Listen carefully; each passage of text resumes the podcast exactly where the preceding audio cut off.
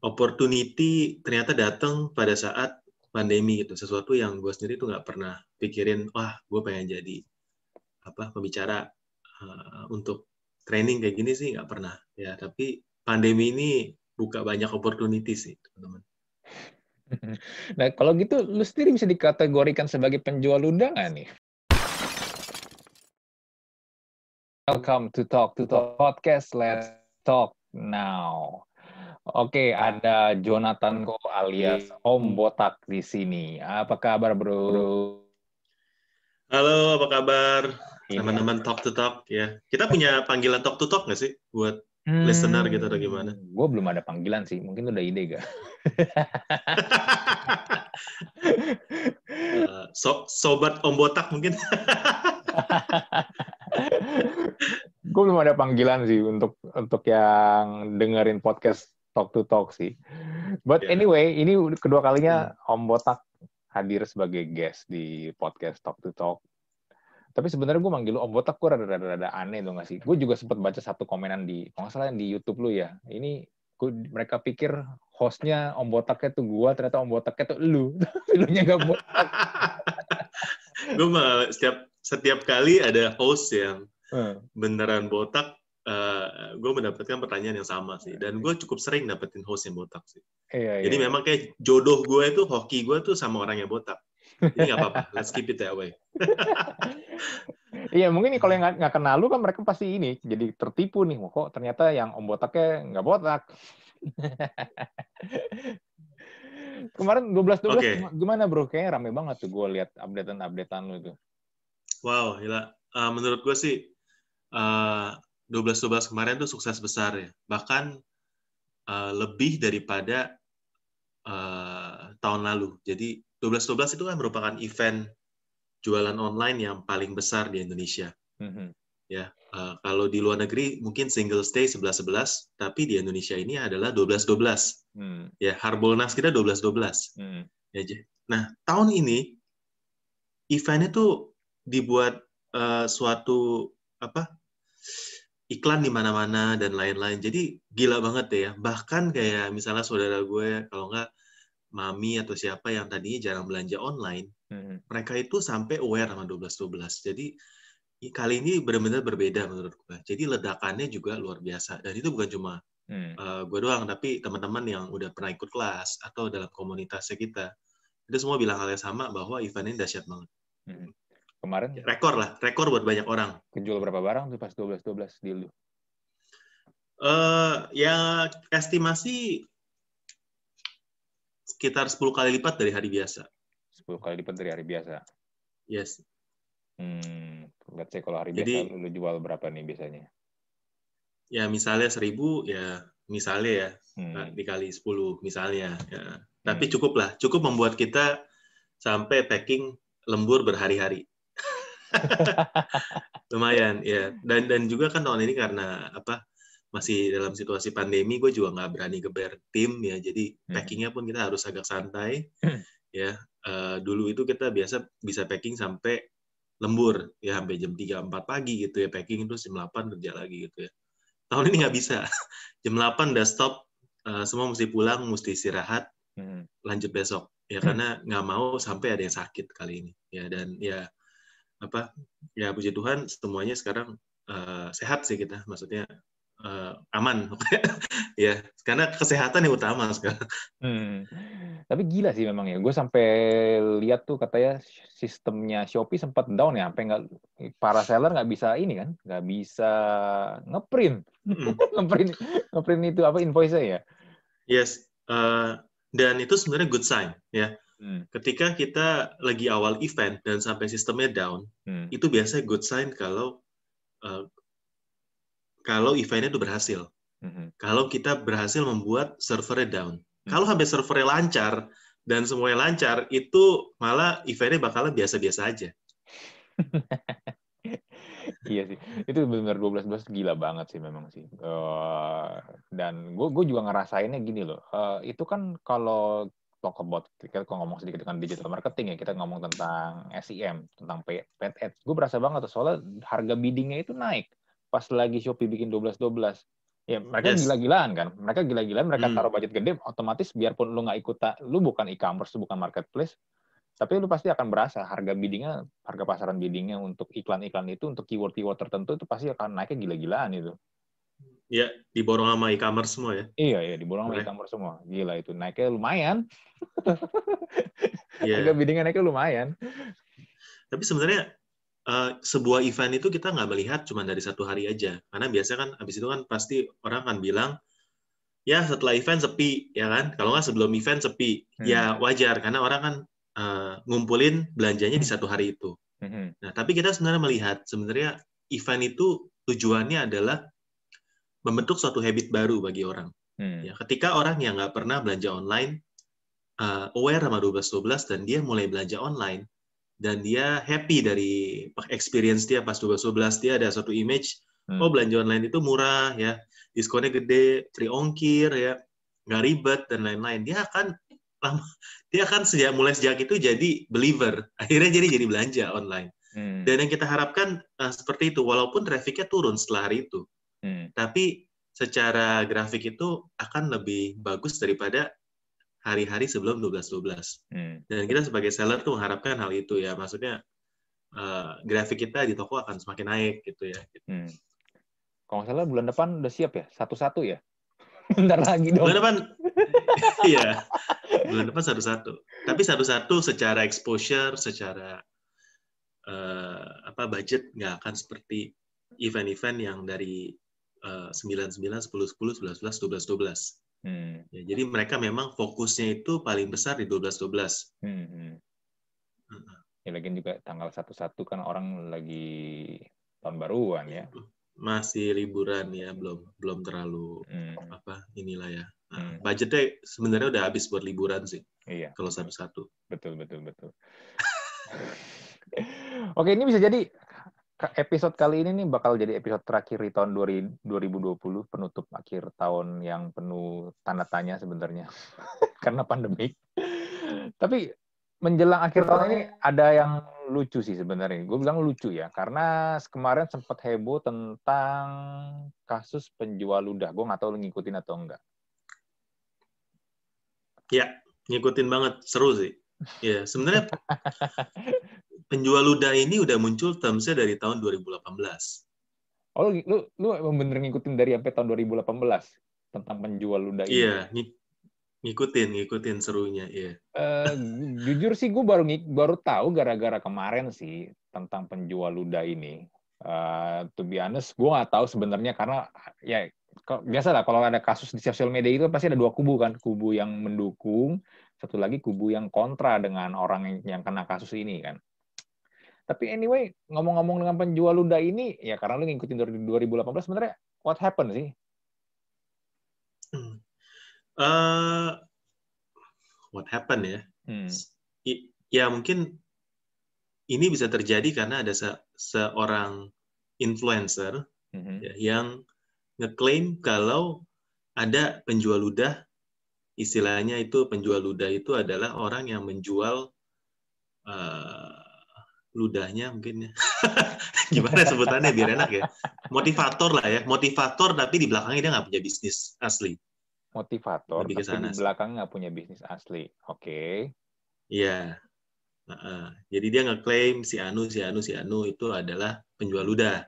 Dan Mhm. itu trigger eh, ya dua kubu lah ya. Selalu akan ada pertentangan dari sosmed Hmm. gitu. Dan seru sih karena fansnya masing-masing itu saling saling apa? Saling sibuk gitu. Ini gue gue kemarin sempat baru lihat-lihat videonya. Gue gue cuma mempelajari ini apa sih sebenarnya yang terjadi. Dan ini gue gue dapet tiga hal sih dari yang videonya itu ya eh, tentang penjual ludah ini. Jadi dia ini mengklaim penjual ludah ini ciri-cirinya adalah begini. Satu, mereka itu tidak punya portofolio jelas. Jadi portofolionya yang udah dikerjain apa-apa aja tuh nggak jelas apa gitu.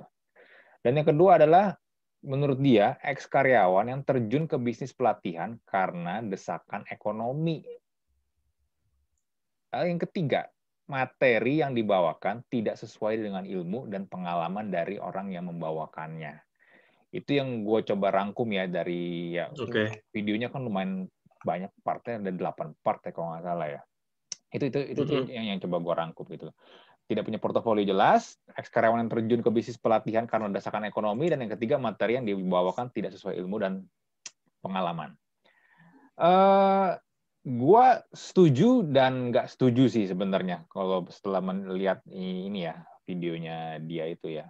Gue setuju kalau memang ternyata sebenarnya ini kan udah dari dulu udah banyak kan bro kalau lu perhatiin kan orang yang nggak punya portofolio jelas atau yang tiba-tiba out of nowhere dia tiba-tiba jadi motivator atau jadi trainer atau coach what whatever itu sebutannya lah ya. Dia bikin seminar terus juga dia sebenarnya juga nggak punya pengalaman bener nggak punya nggak punya pengalaman dan juga bener nggak punya ilmu tapi tiba-tiba bikin seminar dan dia bisa ngumpulin orang. Hmm. dan yang mengherankan adalah orang-orang mau bayar untuk seminarnya itu. Dan kadang-kadang seminarnya nggak murah bro.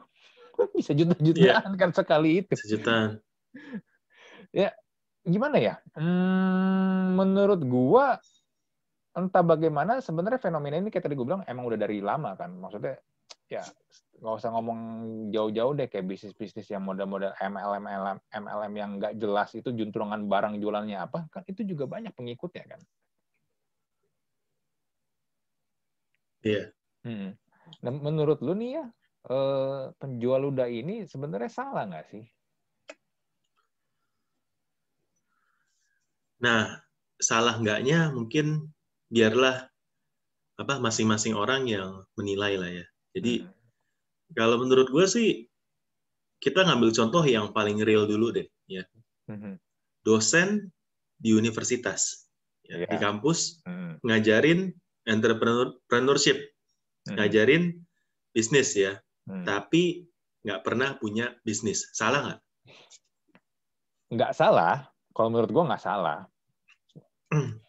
Karena mungkin yang tadi yang dia yang tadi yang poin tiga poin yeah. tadi iya. yang gue coba rangkum tuh ya salah satunya kan adalah yeah. uh, orang itu punya ilmu orang itu punya ilmu dan pengalaman ya gue nggak tahu ya biasa sih kalau yang udah jadi dosen itu punya pengalaman juga biasanya biasanya Yeah, walaupun, walaupun ada juga dosen yang memang nggak punya pengalaman, tapi ya biar gimana pun yeah. dia memang tugasnya jadi dosen dan we pay yeah. that for that, ya kan biaya kuliah dan biaya sekolah itu bisa let's say itu guru itu kan juga nggak murah. Ya, menurut gue sih nggak salah karena apa ya uh, kita bayar ke sebenarnya institusinya ya untuk suatu kredibilitas dan dan dia menugaskan apa dosen tersebut untuk ngajar teori yang diajarkan memang udah teori yang seharusnya dipelajari sebagai hmm. apa mahasiswa ya dan kalau ngobrol sama teman-teman memang pada untuk pebisnis pemula mungkin lebih kepake kalau dengerin teori dari sesama pebisnis. Tapi kalau kita sudah ada di satu Eh, level yang lebih tinggi. Hmm. Nah, teori-teori yang ada di kampus-kampus itu kepake. Hmm. Karena sistem manajemen, terus cara hmm. berpikirnya udah corporate dan lain-lain. Jadi ya mungkin beda skala aja sih. Di mana apa ada saat-saatnya memang ilmu itu kan udah dirumuskan dan lain-lain itu kepake gitu ya untuk hmm. untuk yang mau belajar. Ya dan dan pada apa pada dasarnya gue sih percaya selama kita tuh punya hati mau belajar belajar ke siapa pun uh, itu pasti kita bisa mendapatkan sesuatu. Hmm. selama punya selama kita gelasnya kosong ya. Hmm, betul. Dan dan nggak berasa ini ya. Dan gue gue sendiri dalam pengalamannya juga berasa sih. Ya kan uh, kan gue juga buka kelas-kelas ya. Uh, kelas kelas-kelas selama pandemi kita buka zoom ya seminar. Dan bersyukur banget kalau memang ada yang percaya untuk ngambil kelas-kelas itu Ya. Nah, boleh percaya atau enggak, orang-orang yang uh, ikut gratis atau ikut bayar itu berbeda. Dan bayarnya semakin mahal, hmm. juga itu udah nyaring orang-orang orang-orang yang level mau belajarnya itu beda. Apa apa yang mau ngebedain orang yang gratis dan orang yang berbayar? Karena sebenarnya kan kalau gratis orang pasti banyak gue gini, gue gue juga semer waktu itu sempat iseng-iseng karena kemarin pandemik ya gue pengen ya bantu-bantu orang lah. Yeah gue iseng-iseng gue tawarin tuh uh, siapa nih yang mau gue coaching lah coaching kecil-kecilan. Tapi gue gue coachingnya bikin one on one gimana caranya supaya monetize channel YouTube lu? Karena kan sebenarnya dari YouTube lu juga bisa dapat duit kan. Dan tapi kan banyak orang nggak tahu bagaimana cara memonetize. Karena memonetize bikin channel lu bisa dapat monetasi itu dapat AdSense itu kan ya lumayan berat karena lu butuh 1000 subscriber minimal dan 4000 jam. Yeah. Gue bikin gue bikin itu free, gue bikin itu free. Uh, and you know what? Ada lima orang yang mau gue ambil lima orang itu tapi lima dari lima ini cuma satu yang akhirnya benar-benar uh, bersedia untuk gue ini kasih ya inilah gue gue sedikit kasih coaching lah empat empatnya ini tiba-tiba mundur gue nggak tahu alasannya kenapa uh, tapi ya mungkin gue berpikir karena ya, free gitu loh. Lo jadinya mereka juga ya udahlah yeah. free bodo amat gitu. Apakah benar kayak begitu? Jadi mungkin kalau dari kesimpulan ceritanya tadi pertama adalah kalau free biasanya level komitmennya lebih rendah. Mm-hmm. karena dari mereka nggak ada biaya. Mm-hmm. ya belum nggak ada pain istilahnya. Sedangkan kalau berbayar kemungkinan orang akan lebih komit karena sudah mengeluarkan investasi mm, yeah. jadi itu sih uh, dan ketika orang udah berbayar uh, mereka pasti akan lebih punya komitmen untuk hadir di acara dibandingkan acara yang free. Hmm. Tapi di satu sisi juga gini bro, gue juga ngeliat ya kalau dibikin yeah. berbayar, ada aja pasti orang yang ngomong, kok kayak gini aja berbayar sih? Nah, ya pasti ada, ada kayak, ada, ada, pasti ada kayak gitu. Hmm. Tapi kita kadang-kadang berbuat berbayar pun justru untuk menghindari orang-orang kayak gitu. Jadi cara menfilternya dengan bikin ini ya, dengan bikin ya lu harus bayar lah. Ya, karena kita kan juga dalam mengajar ada sebuah komitmen waktu yang yang dengan waktu itu kita bisa melakukan apa hal-hal produktif lainnya. Hmm. Nah, lu lu sendiri kapan nih lu mul, lu memulai untuk bikin kayak kelas-kelas supaya orang-orang tuh lu kan bikin pelatihan-pelatihan training ini kan tentang bagaimana cara berjualan di marketplace, bagaimana cara mengoptimalkannya, bagaimana cara scale up-nya. Nah, lu mulai kapan sih kayak begitu? Karena kan lu awalnya kan emang bukan profesi lu ini kan, bukan kerjaan lu. Lu kan emang pure sebenarnya kan jualan online. Ya, uh, sebelum ini, sebelum pandemi bak, uh, sudah buka kelas-kelas sih sebenarnya. Tapi lebih ke seminar yang di hotel gitu ya. Dan hmm. biasanya ada sponsor yang, yang ini dan uh, berapa kali pernah berbayar sih. Jadi hmm. sebelum pandemi pun sudah sudah ada kelas yang berbayar. Ini inisiatif lu sendiri atau memang ada yang ngadain sih dan lu diundang atau gimana? Dua-duanya ya. Pernah uh, eh, gue itu kan buat buku kan. Jadi buat ya, teman-teman ya. yang mungkin yang apa belum tahu Om Botak itu punya buku namanya Marketplace Marketing. Hmm. Uh, bahas soal perjalanan bisnis online uh, dan cara tips dan trik berjualan Tokopedia. Nah, hmm. mungkin sejak ada buku itu pun uh, ada satu inisiatif ya udah sekalian kita ngadain seminarnya bahas soal buku itu. Hmm. Uh. Berarti awalnya inisiatif lu dulu tuh? Ya, tapi sebelumnya pun uh, udah sering diundang sama komunitas-komunitas buat sharing di kota-kota. Hmm. Dari mana Jadi, kenal lu? Uh, di komunitas. Oke. Okay. Hmm. Komunitas seller, iya. Hmm. Jadi lu join komunitas sellernya dan mereka ngelihat wah si Om Botak ini nih jualannya nih rame nih. Tokonya juga reputasinya yeah. di Tokopedia aja udah triple masih triple diamond nih. Masih triple diamond atau udah lebih? Hmm. Ya udah triple diamond. Hmm. Ya, jadi akhirnya lu diundang di situ. Ya, jadi bermula dari diundang komunitas-komunitas ke be ke berbagai, berbagai kota. Habis itu uh, eh, gue pernah ngadain berbayar, terus juga sebenarnya ada rencana roadshow ke beberapa kota sama sponsor, hmm. tapi baru sempat dua kota udah kena pandemi, jadi uh, gue switch itu jadi online. Pada awalnya sebenarnya gue juga ragu bisa bisa jualan yang berbayar, lebih honest ya. Hmm. Karena selama ini kan kalau ada sponsor ya free, ya kan. Uh, jadi ada teman yang ngajak, dia bilang ya udah buat kita coba yang daftar cuma tiga oke okay. tapi lu jalan tapi terus kita tetap jalan hmm. jalan terus ya dari tiga uh, habis itu ada apa puluh, mulai ke puluhan, mulai ke ratusan habis itu saya sampai sekarang. Ya jadi selama pandemi ini mungkin udah ada ya ribuan lah alumni kita. Ya, jadi dari testimoni dari kelas 1 ke kelas selanjutnya. Nah, ya, sendiri? Gue sendiri sih cukup amazed gitu. Hmm. Amazed sih. Gila ya, maksudnya uh, opportunity ternyata datang pada saat pandemi gitu. Sesuatu yang gue sendiri tuh nggak pernah pikirin, wah gue pengen jadi apa pembicara uh, untuk training kayak gini sih nggak pernah ya. Tapi pandemi ini buka banyak opportunity sih teman-teman. Nah, kalau gitu lu sendiri bisa dikategorikan sebagai penjual ludah nggak nih? nah, kita mungkin balik ke ya kita mungkin balik tadi ke apa definisinya seperti apa.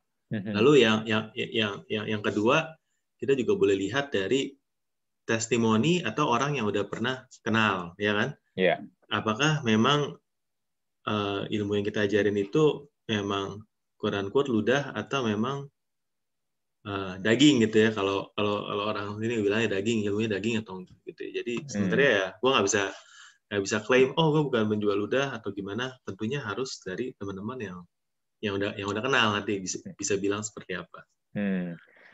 Tapi bro ya kalau back again talk about penjual ludah ini sebenarnya yeah. kan ini bias banget kan ya. Biasnya begini loh uh, semua yang berhubungan dengan komunikasi ya menurut gue lu jualan ludah sih. Karena gini contoh deh kayak MC MC MC kawinan kayak MC acara event kayak itu kan mereka ya nggak punya bisnis nggak punya apa-apa kan tapi mereka cuman hanya ya mereka menggunakan skill public speaking mereka skill komunikasi mereka kan itu juga bisa yeah. dikategorikan menjual ludah juga ya dalam tanda kutip ya atau mungkin misalnya kayak gini deh, kayak kita nih sekarang podcastan. Apakah yeah. dia dibilang penjual udah juga nggak? Iya. Yeah. Uh-uh. I think selama selama kita memberikan added value dalam apa yang kita sampaikan, walaupun ya namanya ilmu kan sebenarnya dari zaman dahulu juga ya nggak ada sesuatu yang baru ya. Jadi hmm, itu, itu aja sebenarnya. Tinggal hmm. cara kita kasih terms yang baru, vocabulary yang baru, tapi sebenarnya ya cara jualan dari dulu sampai sekarang sebenarnya basicnya sama. Makanya buku-buku marketing klasik itu uh, masih sangat relevan bahkan sampai sekarang. Atau hmm. buku-buku saham hmm. ya yang dari zamannya apa intelligent investor Grah, apa hmm. Benjamin Graham sampai hmm. sekarang masih dijual hmm. orang. Kenapa? Karena ya ilmunya sebenarnya dari dulu itu itu aja. Hmm. Tapi gimana caranya kita mengemasnya, kasih value ke ke pendengar kita gitu. Hmm. Iya kan, bener. Jadi intinya kan memang eh, talk about penjual udagen ya sebenarnya mau apa pun profesinya selama lu ada menyampaikan komunikasi ya lu jual ludah sih sebenarnya ya ya enggak sih ya penjual ludah jadinya. Tapi sebenarnya kalau eh, apa ya? Ya itu sebenarnya kontroversi aja lah ya. Jadi kalau kalau gue sih nggak nggak mau ngejudge orang seperti apa atau bilang itu salah atau, atau benar ya udah kita jalanin aja apa profesi kita. Selama kita yakin kalau memang apa yang kita lakukan itu buat bantu orang dan pada saat kita bantu orang kita juga dapatkan reward ya sesuai dengan apa yang kita kerjakan ya saya rasa itu fair fair aja sih hmm. ya bahkan uh, bahkan ini sebenarnya dalam dunia webinar, ya maksudnya webinar yang sekarang, edu education, ya training kayak gini, ini adalah billion dollar industry di di Amerika gitu ya. Untuk di negara maju aja seperti itu, apalagi di di Indonesia. Saya rasa ini buat teman-teman yang baru mau mulai bisnis seperti ini juga uh, bagus selama kalian bisa uh, memberikan value kepada orang-orang ya. hmm. ya orang-orang pasti mau belajar lah sekarang mau banget belajar sekarang gini deh kalau misalnya nih uh, ada orang dia pengen jadi entah motivator, entah trainer, entah coach ya, tapi dia belum punya ilmu. Ilmu mungkin adalah ilmu ya pernah belajar di modul-modul di mana atau pernah baca buku, tapi pengalamannya, portofolio itu nggak ada. Itu gimana? Boleh nggak dia menjadi seorang motivator, trainer atau coach? Karena eh, tadi lu bilang, this is a billion dollar industry. Gue yakin apa pun yang bisa dapetin duit, pasti orang akan berusaha untuk mencapainya. Walaupun mungkin kadang-kadang dia nggak kompeten. Menurut lu, bisa nggak orang seperti ini masuk ke industri ya. langsung tek gitu? Ya bisa aja. Kenapa enggak ya? Setiap orang kan punya kolamnya masing-masing. Dan Indonesia itu luas. Indonesia itu luas. Uh, maksudnya kita tuh nggak bisa ya kayak saya pribadi saya nggak akan menjangkau semua orang. Hmm. Target market saya spesifik ya. Kalau buat apa teman-teman om botak ya yang udah kenal ya kita itu di target market untuk teman-teman yang memang uh, jualan online atau sedang merintis di dalam dunia marketplace itu aja target kita ya jadi kalau untuk yang apa coach lain atau motivator lain yang baru mau mulai silakan pilih target market kalian sendiri. Ya saya rasa masih luas ya. Hmm. karena orang-orang itu butuh motivasi apalagi sekarang kalau dibilang lagi zaman apa resesi ya krisis justru kita semakin butuh motivasi ya. Saya sebagai business owner aja juga pengen gitu ya ada suara motivator datang ke ke kantor ya training staff-staff saya supaya uh, dimotivasi ya. Ya kan? Saya nggak akan melihat nggak akan melihat oh dulu lu kerjanya apa? Lu dulu pengusaha sukses atau nggak? Nggak nggak nggak relevan sih menurut gua. Hmm. apakah lu bisa memotivasi tim gua? Ya walaupun dengan pakai quote dari orang-orang terkenal apa ya dengan modul apa yang penting resultnya kelihatan. Setelah dia datang kasih coaching orang gue bisa jualan nah itu kan sebenarnya fungsinya udah udah delivered kan hmm. Jadi selama orang itu memang bisa menjalankan fungsi sebagai seorang motivator, which is memotivasi, lu nggak masalah. Lu nggak akan mempertanyakan backgroundnya dia. Lu bisnis lu apa? Lu tuh sebelumnya udah ngapain aja? Pengalaman lu apa? Portofolionya apa? Lu, lu it's not a problem for you. Karena ini kan sebenarnya yang yang di highlight sama penjual luda itu kan. ya. Benar, benar, benar. Jadi nggak masalah sih. Yang penting bisa deliver ya dan yang penting orang setelah ikut kelasnya dia setelah ngikut seminarnya itu menjadi pribadi yang lebih baik hmm. Hmm. hmm, hmm. ya dan di sana orang itu udah deliver value hmm. ya dan uh, ya wajar kalau misalnya itu berbayar karena kan itu kerja nah capek tau ngomong capek ya. iya betul ngomong capek kadang-kadang ngomong uh, capek ya Nah, cuman gini bro, ini kan sebenarnya selain penjual ludah kan juga ada satu hal yang di highlight juga adalah tentang fake, fake mentor, mentor yang fake. uh, talk about mentor lu sendiri, ini nggak sih punya mentor atau lu memang ya udah gue mau jalanin sendiri aja gitu, gue mau motivasi diri gue sendiri aja. Hmm. Kalau soal mentor, gue rasa nggak ada yang spesifik, tapi teman-teman di dalam komunitas yang yang gue udah kenal dari lama ya, yang di mana gue bisa sharing, itu sebenarnya adalah mentor. Ya, jadi kita saling lah, saling saling sharing. Uh, terutama kalau untuk dunia marketplace itu kan sangat spesifik ya. Jadi kita hmm. itu uh, sangat spesifik. Misalnya kalau kita ngomongin soal Shopee ya, kita tahu siapa yang paling jago di Shopee.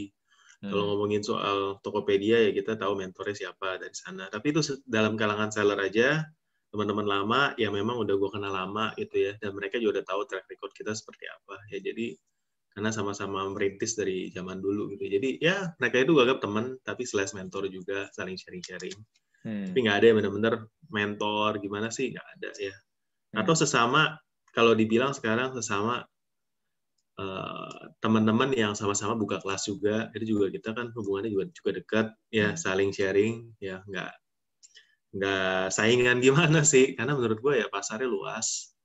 Dan gue sendiri kalau mereka ada yang buka kelas juga gue akan ikut bayar ya. Dan karena menurut gue ya uh, gue juga belajar dari mereka dan gue nggak malu mengakui kalau kalau kalau gue ini masih ngikut training orang ya buat uh, karena attitude itu yang sebenarnya mau gue uh, punya gitu ya hmm. kalau kita itu never stop learning gitu ya kalau hmm. kita itu mau terus belajar bahkan ikut seminar dari uh, teman-teman lain yang mengajarkan topik yang misalnya sama dengan topiknya gue gitu karena dari perspektif dia gue akan belajar hal yang baru hmm. even buka kelas ini atau mengajar seminar ini juga adalah salah satu tempat gue untuk belajar gitu ya ya kan karena hmm. dunia ini kan cepat sekali ya dan ketika kita mengajar maka kita terpaksa harus belajar lagi hmm. dan ketika gue belajar lagi gue juga kadang surprise karena gue menemukan hal-hal baru yang sebelumnya gue juga nggak tahu ya hmm. baik dari gue ngulik lagi sendiri sebelum ngajar atau dari uh, pengalaman dan experience atau dari pengalaman maksudnya dari pertanyaan yang yang terjadi interaksi yang terjadi dalam grup atau selama proses mengajar ya hmm. atau dari sharing dari teman-teman yang ada di, di kelas ya justru gue merasa gue itu uh, jadi ketagihan ngajar karena di sana gue banyak belajar Hmm. Ya, jadi uh, ketika lu udah dalam proses yang suatu stage yang cukup dibilang stuck gitu ya, kayak gue udah tahu semua nih, gue udah jalan ini lama ya, coba deh ngajar. Ketika lu ngajar, gue yakin lu akan belajar sesuatu yang baru. Dan gue berasa di sini tuh gue benefit banget gitu. Yes. Hmm. Hmm. hmm, hmm. Ya, bukan aja kita bisa sharing, tapi dapatkan banyak juga uh, hal-hal uh, baru yang akhirnya bisnis online gue juga banyak improve dari sana. Hmm. Karena hal-hal baru yang gue pelajarin, gue langsung kasih tahu ke tim untuk yaudah yuk kita coba ini sekarang gitu ya. Hmm. Ya karena uh, ya the only the only thing yang yang nggak pernah berubah adalah change kan kalau orang bilang ya maksudnya. Hmm. Uh, dan ya kita harus terus berubah untuk even buat uh, mempertahankan status quo itu kan untuk mempertahankan posisi kita di dalam uh, persaingan dengan terus berubah. Karena kalau kita nggak berubah, kita akan mati gitu. Hmm. Jadi ini bisa jadi juga menjawab pertanyaan gini loh. Karena juga ada pertanyaan kalau lu memang contoh contoh misalnya contoh di saham ya. Kalau lu memang jago saham, lu jago trading saham, ngapain lu repot-repot bikin seminar dan seminar berbayar? Ngapain lu nyari duit juga di seminar? Ya, mungkin bisa jadi jawabannya kayak tadi yang lu bilang, lu mendapatkan hal-hal baru ketika lu sharing dan mengajarkan ilmu. Dan gak hanya mentok di, ya yang penting gue dapet duit gitu. Karena kan banyak orang punya pandangan kayak, kayak gitu bro. Wah ini orang udah bilangnya dia jago saham, ngapain dia nih bikin seminar nih? Jangan-jangan sebenarnya sahamnya lagi nggak bagus nih, atau gimana? Kan kadang-kadang kan ada aja orang berpikirnya nyinyir kayak gitu kan. Atau mungkin juga kalau misalnya itunya nyinyir ke lu, oh jangan-jangan nih Om Botak nih jualan tokonya lagi turun nih, makanya dia nyari duit di seminar nih. Bisa jadi, bisa jadi kayak gitu. ya. Iya kan? Tapi masalahnya apa yang kita kerjakan di online itu bisa dilihat sama orang. Iya betul. Kalau toko lu turun kan bisa bisa langsung kelihatan, ya kan. Hmm, Jadi hmm, hmm. Uh, gue rasa sih uh, kalau untuk di dunia online itu gampang banget lah terlihat ya apakah yang kita ajarkan ini apa kita praktekin atau enggak itu harusnya kelihatan lah dengan jelas ya soal hmm. itu ya. Um, soal lain juga menurut gue sih emang sering dapat pertanyaan seperti itu sih. Kenapa lu mau ngajarin gitu? Kan ini nambah saingan ujung-ujungnya ya. Ya, tapi ya gue sih percaya kalau apa berkatnya orang udah di udah dibagi-bagi lah ya jadi kita nggak perlu khawatir buktinya sampai sekarang ngajarin juga malah kita uh, terus bertumbuh ya bukannya bukannya makin turun gitu salesnya hmm. Hmm. Nah, teman konsep lu ini kan berbeda banget dengan konsep si penjual luda ini kan which is dia uh, berusaha menjelek-jelekan orang-orang yang seprofesi sama dia Sedangkan lu buat lu lu nggak masalah berkolaborasi dengan ya mungkin seller lain atau mungkin teman-teman lu juga sesama yang juga bawa punya trainingnya masing-masing dan lu juga bersedia bayar buat training-training mereka gitu loh. Ya, karena menurut gue sih kuncinya dalam dunia ini kolaborasi ya. Hmm. Karena satu satu musuh itu terlalu banyak dan apa teman itu nggak pernah cukup ya. Mungkin mungkin apa ada pepatah yang bilang itu dan gue setuju sih. Jadi kuncinya hmm. adalah kolaborasi bahkan dengan seller-seller yang berjualan barang yang sama dengan kita. Ya, hmm. Ya, kalau bisa kenalan, gue gue mau kenalan gitu ya maksudnya. Yuk kita kolaborasi gitu ya, nggak perlu nggak perlu apa curan-curan harga lah. ayo kita ayo kita kolaborasi do something gitu ya karena hmm. uh, kolaborasi itu indah sebenarnya. Hmm. Nah sekarang gini bro, lu sendiri bikin training kayak begini, lu ngatur toko lu jadi gimana bro? Kita udah ada tim. Iya udah ada tim. Waktu waktu sebelum apa pandemi apa fokusnya itu malah bukan ke toko karena kan semuanya serba tenang ya maksudnya semuanya bagus ya hmm. ekonomi dari ini bagus dan bisnis online bagus jadi gue itu sangat santai sebenarnya ya jadi udah lama sebenarnya ini autopilot kalau mau dibilang bisa hmm. autopilot ya udah lama autopilot hmm. gue punya waktu sebenarnya dulu itu buat ngerjain hal-hal lain hal-hal lain, lain seperti ya keluar kota uh, sharing di luar kota terus um, ada proyek-proyek lain ya, jadi banyak hal-hal lain. Nah, sejak pandemi, karena kita nggak bisa ke mana-mana, justru gue itu lebih fokus buat uh, ngurusin bisnis online sendiri, karena kondisinya kita itu dalam pressure kan. Hmm. Kalau kita nggak berubah, kalau kita nggak memberikan yang terbaik, mungkin kita nggak akan survive gitu ya. Hmm. Jadi dalam pressure ini malah kita kita bisa bertumbuh gitu. Hmm apa sih yang jadi bensin buat tuh buat ngajarin ke orang-orang ini selain ya tadi lu emang lu bilang pengen berbagi. Lu bilang ya, ya lu juga dapat duit tambahan lah dari sini lah nggak, nggak bohong lah gue juga nggak gue juga nggak munafik lah kalau emang gue bisa dapat income tambahan why not gitu loh. Apalagi bisa bisa yes, sharing juga. definitely yeah. uh, teman apa sih jadi bensin lu buat ngajalin begini? Kan kadang-kadang kayak begini kan capek bro. Capeknya adalah lu akan menghadapi banyak orang dan pertanyaan orang-orang itu, yeah. respon orang-orang itu kan, dan attitude orang itu kan beda-beda, bro. Apa sih yang menjadi bensin yeah. lu mau jalanin beginian gitu loh, selain lu dapat duit tambahan dan juga ya lu emang pengen berbagi gitu. Ya sebenarnya passion sih ya. Gue rasa sih lebih ke ya nggak nggak semua orang bisa melakukan ini ya nggak semua orang mungkin dikasih uh, talenta buat public speaking ya. hmm. ya dan gue merasa apa talenta gue ya di public speaking sebenarnya. Hmm. Jadi gue pengen apa pakai talenta yang udah dikasih dari Tuhan ya untuk untuk jadi berkat gitu ya. Jadi ya ini sebenarnya passion. Bahkan hmm. gue to be honest lebih enjoy ngajar atau public speaking seperti ini dibandingkan ngurusin toko online. Kalau mau, di, mau disuruh pilih, gue akan pilih pilih sisi yang ini. Karena this is this is something that that I hmm. enjoy gitu ya. Dan ketika lo mengerjakan sesuatu yang lo enjoy, tentunya kan uh, hidup lu akan lebih bermakna gitu. Hmm. Oke. Okay. Ini dan yang kedua hmm. mungkin ya kalau boleh sharing, hmm. gue itu orangnya sebenarnya gampang gampang bosenan gitu ya. Jadi hmm. uh, ya dulu itu pas lagi karir juga setiap berapa tahun tuh gue pindah company gitu. Jadi ya gue di online ini juga udah jalanin kan udah full time-nya udah sekitar lima tahun lebih ya, hmm. masuk tahun ke-6. Ya udah di titik jenuh juga sih, to be honest. Hmm. Ya, kayaknya udah dari sana, tapi namanya udah punya bisnis ya kita nggak bisa nggak bisa pindah pindah bisnis lain kan, kecuali lu serahin sama orang terus lu jual, misalnya lu buka yang baru. Ya, tapi menurut gue sih this is a new challenge that I like gitu ya, hmm. uh, dengan sharing, dengan uh, berbagi ke orang. Ya, menurut gue ini ini suatu challenge baru gitu. Hmm. Oke, berarti memang karena lu mencari tantangan baru dan lu mencoba di ini dan ternyata lu enjoy. Yes. Iya. Yeah. Ini enjoy. ini ini menarik sih, Bro. Kalau toko about bensin ya. Gue juga kalau ada orang nanya, "Kenapa sih lu bikin podcast kayak begini?" Ya, to be honest sih podcast gue uh, topiknya tuh lumayan random ya. Gue kadang bisa ngomongin blockchain, gue bisa ngomongin marketplace sama lu, gue kadang bisa ngomongin tiba-tiba keperawanan, tentang pacaran, whatever gitu.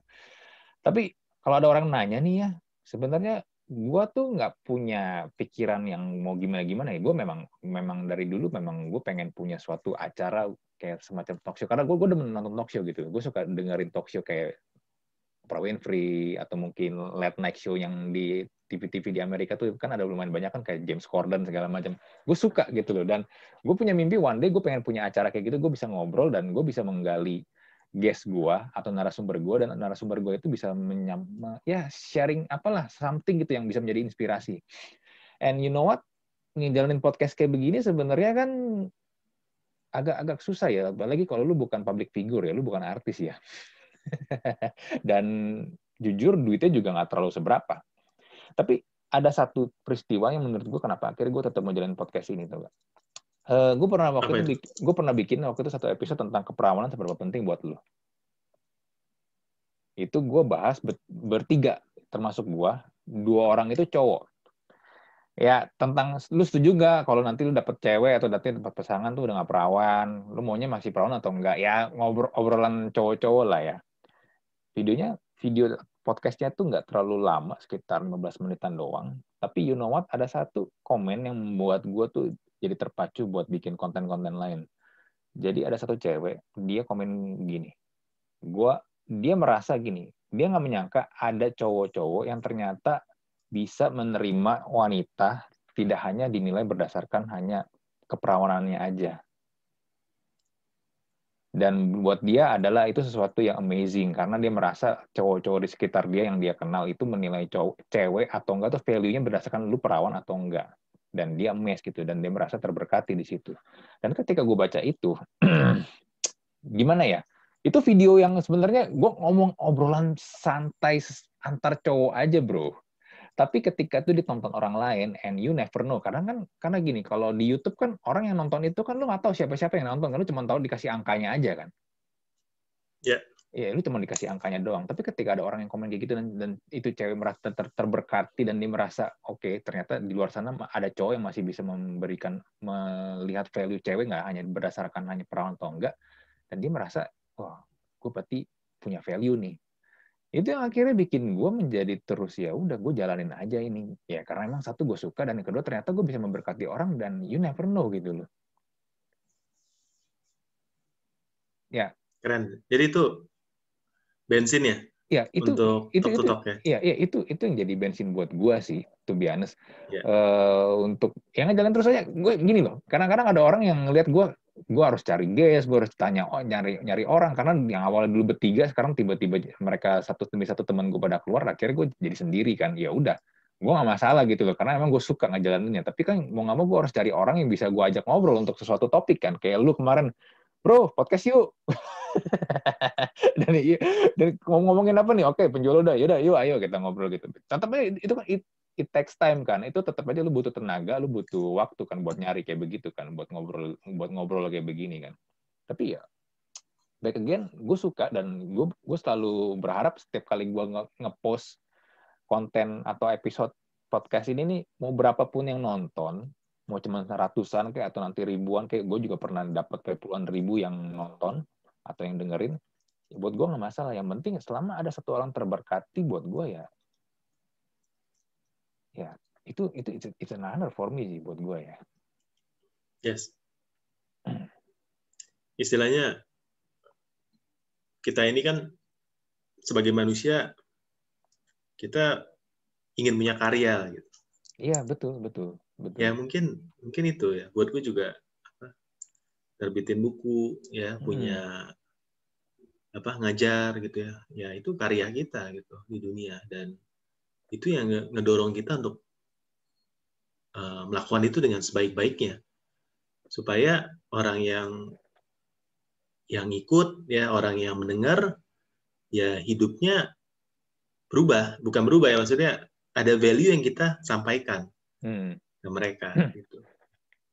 Betul betul. Walaupun ya gini, gue kadang-kadang episode gue juga podcast gue juga kadang-kadang ada yang ngobrolnya santai nggak jelas ngomongin game atau apa ya tapi ya tapi I try to give message lah. Kalau walaupun kadang-kadang message-nya juga hidden message atau message-nya mungkin nggak gitu langsung orang langsung nge gitu. Tapi ya whatever. Yang intinya ya lu mau denger atau enggak ya gue gue sih berharap ya semoga bisa memberikan inspirasi dan motivasi sih buat lu sih. Buat siapa pun yang kayak kemarin juga yang kita yang konten kita yang pertama tentang bagaimana lu membangun market marketplace ya gue gue selalu berharap siapa pun yang nonton siapa pun yang dengerin ya bisa terinspirasi dari lu juga gitu apa yang lu sampaikan sampai lu membangun sebuah toko online yang dari nol sampai lu bisa punya reputasi kayak sekarang gitu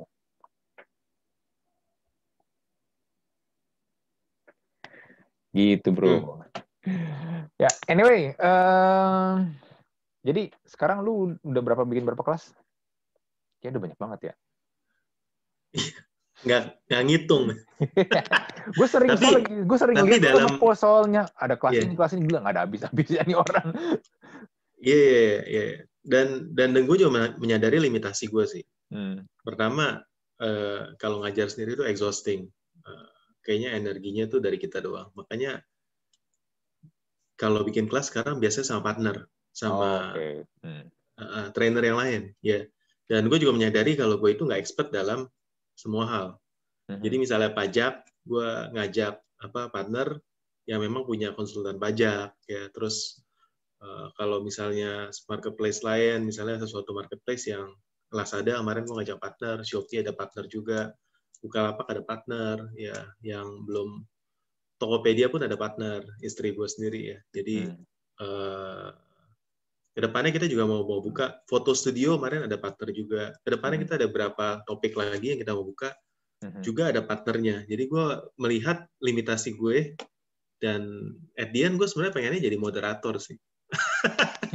jadi gue pengen justru gue pengen gali dari ilmunya apa partner tersebut gitu ya. Karena gue hmm. merasa ya ya gue juga enjoy sebagai student dalam kelas itu dan hmm. gue pengen belajar gitu ya hmm. makanya uh, it's a blessing banget ya punya channel kayak gini karena uh, tim gue pun sendiri pun kalau misalnya gue ada training gue akan suruh ikut gitu ya jadi hmm. ini sebenarnya buat internal training gue juga sih jadi apa yang gue rasa gue kurang gue pengen ada kelasnya supaya gue bisa hmm. belajar dari dari sana hmm.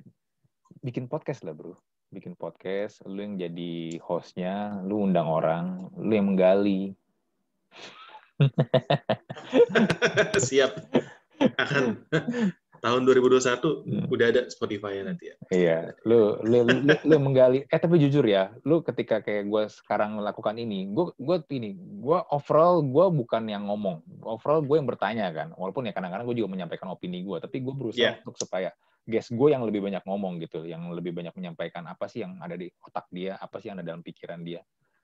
Uh, gue belajar banyak hal sih. Gue belajar banyak hal karena gue bertemu dengan banyak orang yang berbeda-beda sekarang. Apalagi terutama setahun ini ya, pas lagi masa pandemik ini. Karena gue banyak bertemu orang yang kayak, kayak lu dah. Lu kan sama gue sebenarnya kan baru kenal kan? Iya, random ya. banget. Iya, ya. random banget. Tapi kita bisa ngobrol sampai sejam lebih, ya kan? Iya kita bisa ngobrol sejam lebih dan dan itu jadi konten dan sebenarnya kan gue juga nggak belum pernah belum pernah ketemu lu secara langsung ya kan? Tapi gue belajar banyak dari orang-orang yang gue gua temuin terutama tahun ini ya. Gue ketemu banyak random people dan ya some, some of them memang ya orang-orang yang memang terkenal ya. Kayak misalnya Adera atau mungkin juga Natalia Ardianto yang co-founder tiket.com atau kemarin gue juga sempet bikin podcast juga bareng sama Peter Shearer uh, co-founder eh, founder dan CEO-nya Wahyu. Dan gue banyak menemukan orang-orang ini memang orang-orang hebat dan ya punya pemikiran masing-masing dan gue jadinya nih ya, ya satu, satu lagi juga nih.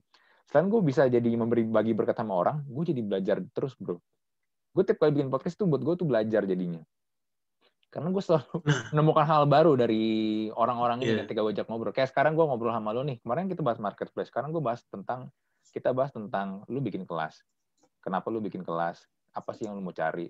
Apakah pen, lu juga penjual luda ya. Gue mendapatkan hal baru lagi dari lu juga kan jadinya kan? Ya. Dan gue rasa itu yang satu attitude yang kita harus selalu punya ya. Never stop learning gitu ya. Karena kalau kita berhenti belajar ya sulit kan atau kita merasa kita udah paling jago eh, kita menjadi sombong. Nah di sana kita uh, sulit nanti ya untuk bisa bertumbuh lagi. Hmm. Oke, okay, next kelas apa nih bro? Nextnya nggak tahu. tapi tapi pandemi ini benar-benar sebenarnya kalau ya kita mau flashback ya di tahun ini kan udah penghujung tahun. Hmm. Ini sebenarnya banyak banget peluang baru, banyak banget peluang bisnis baru ya. Bahkan kalau mau kita bilang Eh, semua Zoom seminar yang berbayar atau yang free ya ini semua kan baru mulai kan berapa bulan belakangan ini kan dari pandemi. Ya. Yeah. Gue sendiri baru mulai dari April gitu, baru bisa hmm. dibilang 8 bulan ini baru mulai. Hmm. Jadi uh, di tengah masa sulit ini banyak sekali kesempatan dan teman-teman harus cari kesempatan atau peluang yang cocok untuk teman dalam kondisi seperti ini.